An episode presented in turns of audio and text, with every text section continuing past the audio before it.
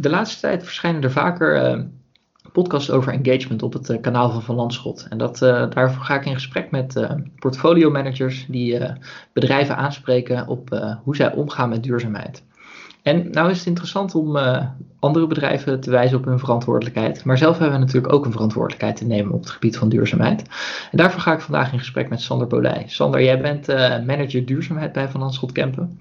En um, duurzaamheid gaat uh, vaak en veel over klimaat. Het is natuurlijk veel breder dan dat. Maar het is misschien wel interessant om deze podcast even te wijden op, op het gebied van klimaatverandering.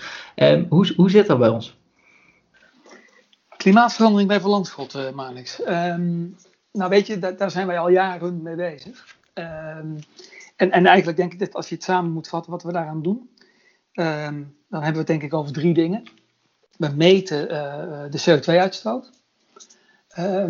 Onze CO2-uitstoot. We proberen vervolgens, dus het tweede, denk ik, die uitstoot uh, via gerichte maatregelen te reduceren, te verminderen. En vervolgens rapporteren we hierover naar de buitenwereld. Dus we laten zien hoe, we dat, we dat, uh, hoe dat we dat doen. Dat is denk ik de korte samenvatting. Ja, en op wat voor niveaus uh, gaat dat dan? Want wij hebben natuurlijk heel veel verschillende producten. Ja, inderdaad. Kijk, we, we, meten die, uh, die CO2 eigenlijk op drie, verschillende, op drie verschillende niveaus. Op drie verschillende onderdelen, misschien moet je dat zeggen. Um, en laten we dan maar beginnen met de allerbelangrijkste. Uh, het eerste onderdeel is de CO2-uitstoot die veroorzaakt wordt door de bedrijven waarin wij beleggen. En um, om je een idee te geven, dan hebben we het over 4,7 miljoen ton CO2. Dat is natuurlijk een niet-zeggend getal, maar geloof me, het is, het is fors. Dat is dus de CO2-uitstoot van de bedrijven waarin wij klantgelden beleggen. Dus uh, Shell, Axo, Unilever, uh, DSM. Um, en wij rekenen dan ons toe dat deel van de CO2-uitstoot van die bedrijven, uh, waarvoor geldt dat we er eigenaar van zijn. En we zijn natuurlijk niet als belegger volledig eigenaar van die CO2-uitstoot van DSM, maar voor een stukje. Um, en dat is denk ik de belangrijkste component. En we noemen dat indirecte CO2-uitstoot, want we veroorzaken die CO2-uitstoot natuurlijk niet zelf. Dat doen de bedrijven waarin we beleggen. Maar we hebben daar wel grip op. En als ik zeg 4,7 miljoen ton, dit is echt gewoon de belangrijkste uh, component in onze CO2-uitstoot. Dan denk ik dat die 4,7 miljoen ton nog aan de voorzichtige kant is. Het getal is waarschijnlijk een stuk hoger nog. Want die 4,7 is gebaseerd op slechts 44% van onze AUM. Dus van onze klantbeleggingen. Dus wij moeten van 56 andere procenten nog bepalen wat de CO2-uitstoot is. Daar hebben we de data nog niet van of, of nog niet het volledige inzicht. Dus dat getal gaat alleen maar groter worden. Dus dit is, dit is de eerste component. En als ik dan misschien even meteen die twee andere er ook bij noemen. De tweede component van onze uitstoot, die, die houdt meer verband met onze balans. Wat we op onze balans doen. Dus dan hebben we het over het verstrekken van, van kredieten, zakelijke kredieten aan ondernemers, of het verstrekken van woninghypotheken. Eh, op het moment dat je een woninghypotheek uh, verstrekt, dan ben je ook indirect betrokken bij CO2-uitstoot, namelijk de CO2-uitstoot van die woning. Het gebruik van elektriciteit en gas door de woningeigenaar. Ook daar hebben we een berekeningsmethode en dan komen we op 38.000 ton per jaar. Um, hè, dat is dus de uitstoot waar we indirect bij betrokken zijn via hypotheken en kredieten. Een stuk lager dus hè, dan, dan via de beleggingen. En de derde, dat is echt een hele kleine component, is echt onze eigen directe uitstoot. Um, dan hebben we het dus echt over onze eigen kantoren, onze eigen auto's, papiergebruik, vliegverkeer, dat soort zaken. En dan komen we op jaarbasis op 4000 ton CO2 uit. Dus om je een idee te geven, de beleggingen 4,7 miljoen, kredieten en hypotheken 38.000 ton en onze eigen organisatie 4000 ton. Het zijn dus eigenlijk drie hele verschillende getallen, van groot naar klein. Je kunt ze eigenlijk gewoon bij elkaar optellen. En dat is onze totale CO2-uitstoot.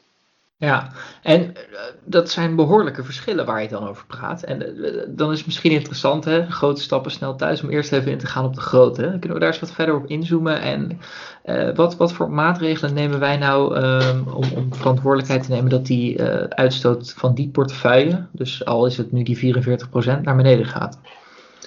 Um, nou weet je, we, doen van allerlei dingen. Hè, en daar zit ook echt de kern van ons klimaatbeleid wat mij betreft. Hè. Inderdaad, wat jij zegt, hè, grote stappen snel thuis. Ik denk ook dat, dat daar onze grootste verantwoordelijkheid ligt om de CO2-uitstoot van de klantbeleggingen terug te dringen. Hè, dat is vele malen belangrijker dan ons papiergebruik bijvoorbeeld. Hè. Dat is met die drie getallen net al duidelijk geworden.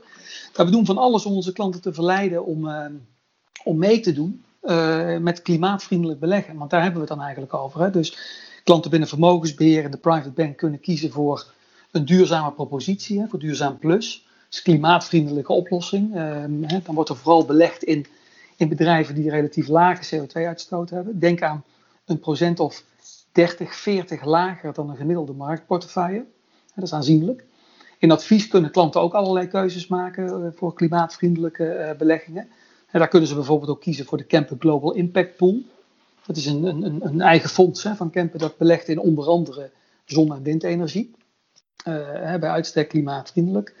Um, en verder uh, heb je natuurlijk aan de camperkant, hè, daar kunnen institutionele klanten kiezen um, uit allerlei camper sustainable funds, duurzame fondsen, met een aanzienlijk lagere CO2-uitstoot allemaal, uh, lager dan hun benchmark. En dat komt omdat ze vaak in, in CO2-extensieve sectoren beleggen of um, bedrijven kiezen die een nadrukkelijk klimaatbeleid hebben binnen een bepaalde sector. Um, weet je, en op die manier uh, kunnen eigenlijk al onze beleggers in allerlei smaken en varianten kunnen, kunnen de keuze maken voor klimaatvriendelijk.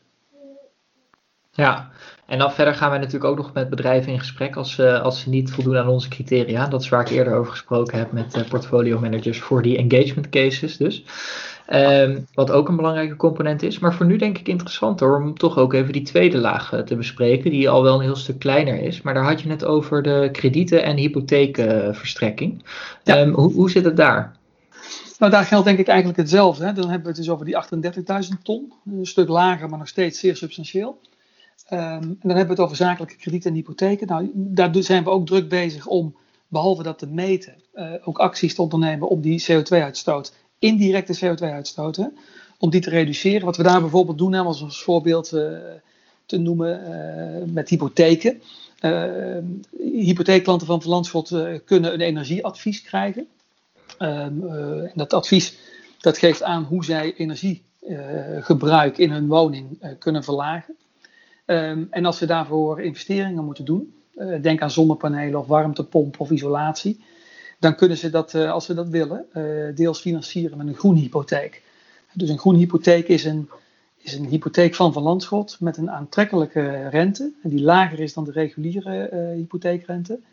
En die specifiek bedoeld is om verduurzaming van een woning te financieren.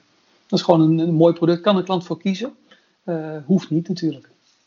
Ja, en dat heeft altijd nog wel een leuk bijeffect volgens mij. Want wanneer mensen zonnepanelen op hun dak gaan leggen, dan worden het vaak ook gewoon duurzamere mensen. Heb jij daar nog uh, uh, ja. interessante verhalen uit gehoord?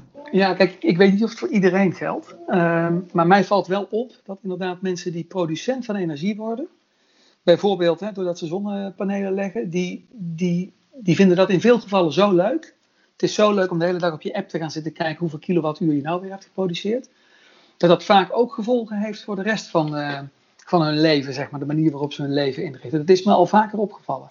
Het zal niet ja. voor iedereen gelden, denk ik hoor, maar uh, voor mijzelf werkt het alvast wel zo. Op mijn uh, dak liggen zonnepanelen. En, en sinds dat die daar liggen, kijk ik anders naar energieverbruik. Ja, dat is toch wel een grappig bijeffect wat wij dan uh, natuurlijk ook uh, uh, ja, leuk als leuke bijkomstigheid erbij kunnen realiseren.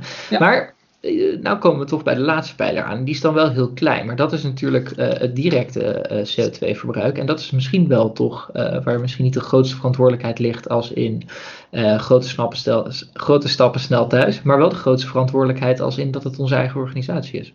Nou, precies. Ja, volgens mij vat je het, vat je het prima samen zo, uh, Marnix. het is inderdaad de kleinste componenten, dus onze eigen kantoren en ons, onze eigen auto's, eigen papier, gas en water en licht. Um, als, je het, als je het in perspectief zet, het is 1200 keer kleiner dan de CO2-uitstoot van onze klantbeleggingen. Um, en toch zijn we er ontzettend druk en, en actief mee bezig, omdat we um, inderdaad, omdat het onze directe uitstoot is, we er ook echt direct en zelf voor verantwoordelijk zijn. We kunnen het ook echt heel makkelijk aanpassen. Dat geldt voor die kredieten en hypotheek en die beleggingen veel minder. Hè. Daar zijn we afhankelijk van een klant of die mee wil bewegen. Um, maar voor onze eigen kantoren geldt dat helemaal niet. Dus daar doen we al jaren van alles en nog wat aan. Denk aan groene stroom en um, aan groen gras en aan uh, meer elektrische leaseauto's, uh, minder vliegverkeer, andere vormen van papier uh, en minder papier vooral. En als je dan terugkijkt, we zijn in 2011 daarmee begonnen. Inmiddels zijn we ruim 40, 44 procent, even uit mijn hoofd, zijn we gedaald in CO2-uitstoot. dus er is, er is bijna de helft van af inmiddels. En van de helft die nog over is, die compenseren we inmiddels uh, volledig. Dus, dus eigenlijk zijn we daar gewoon naar nul toe uh, gegaan. En, en, weet je, het gaat in absolute termen om allemaal niet heel veel CO2. Maar klanten verwachten dit echt van ons. Andere stakeholders trouwens ook. Je, je kunt niet, en je noemde straks die engagement aanpak. je kunt niet allerlei bedrijven in de markt, waarin je belegt, aan gaan spreken op hun klimaatbeleid en dan zelf niks doen. Hè. Je moet het eigen huis ook op orde hebben. En dat is dit. Nou, ons huis is op orde. Kan nog steeds beter hoor. Kan elke dag beter. Maar we zijn een heel eind. Ja, en dan is het natuurlijk interessant, want dit, we zijn nu in transitie natuurlijk met z'n allen en er moet nog een hoop veranderen. Maar waar gaat dit heen eh, als we nou praten over, we zeggen, vijf, tien jaar? De komende vijf of tien jaar. Ehm, nou, kijk, qua CO2-uitstoot in de wereld, uh, sowieso naar beneden. Uh, die, zal, die zal verder naar beneden moeten, dus dat moet de komende vijf of tien jaar zeker gaan gebeuren. Um, maar dan zijn we er nog niet, hè. dan is het 2030. Het uiteindelijke doel is om de netto CO2-uitstoot in de wereld in 2050 op nul te hebben.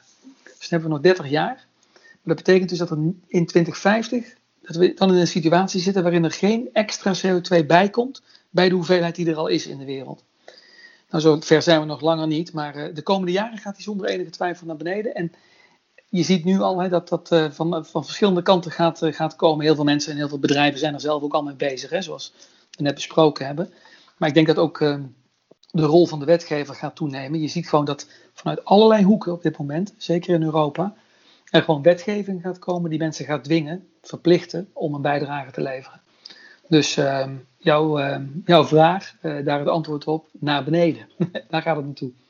Ja, en daar dragen wij verder aan bij. Ga daar vooral ook mee door, Sander. En dan wil ik jou danken voor dit tijd.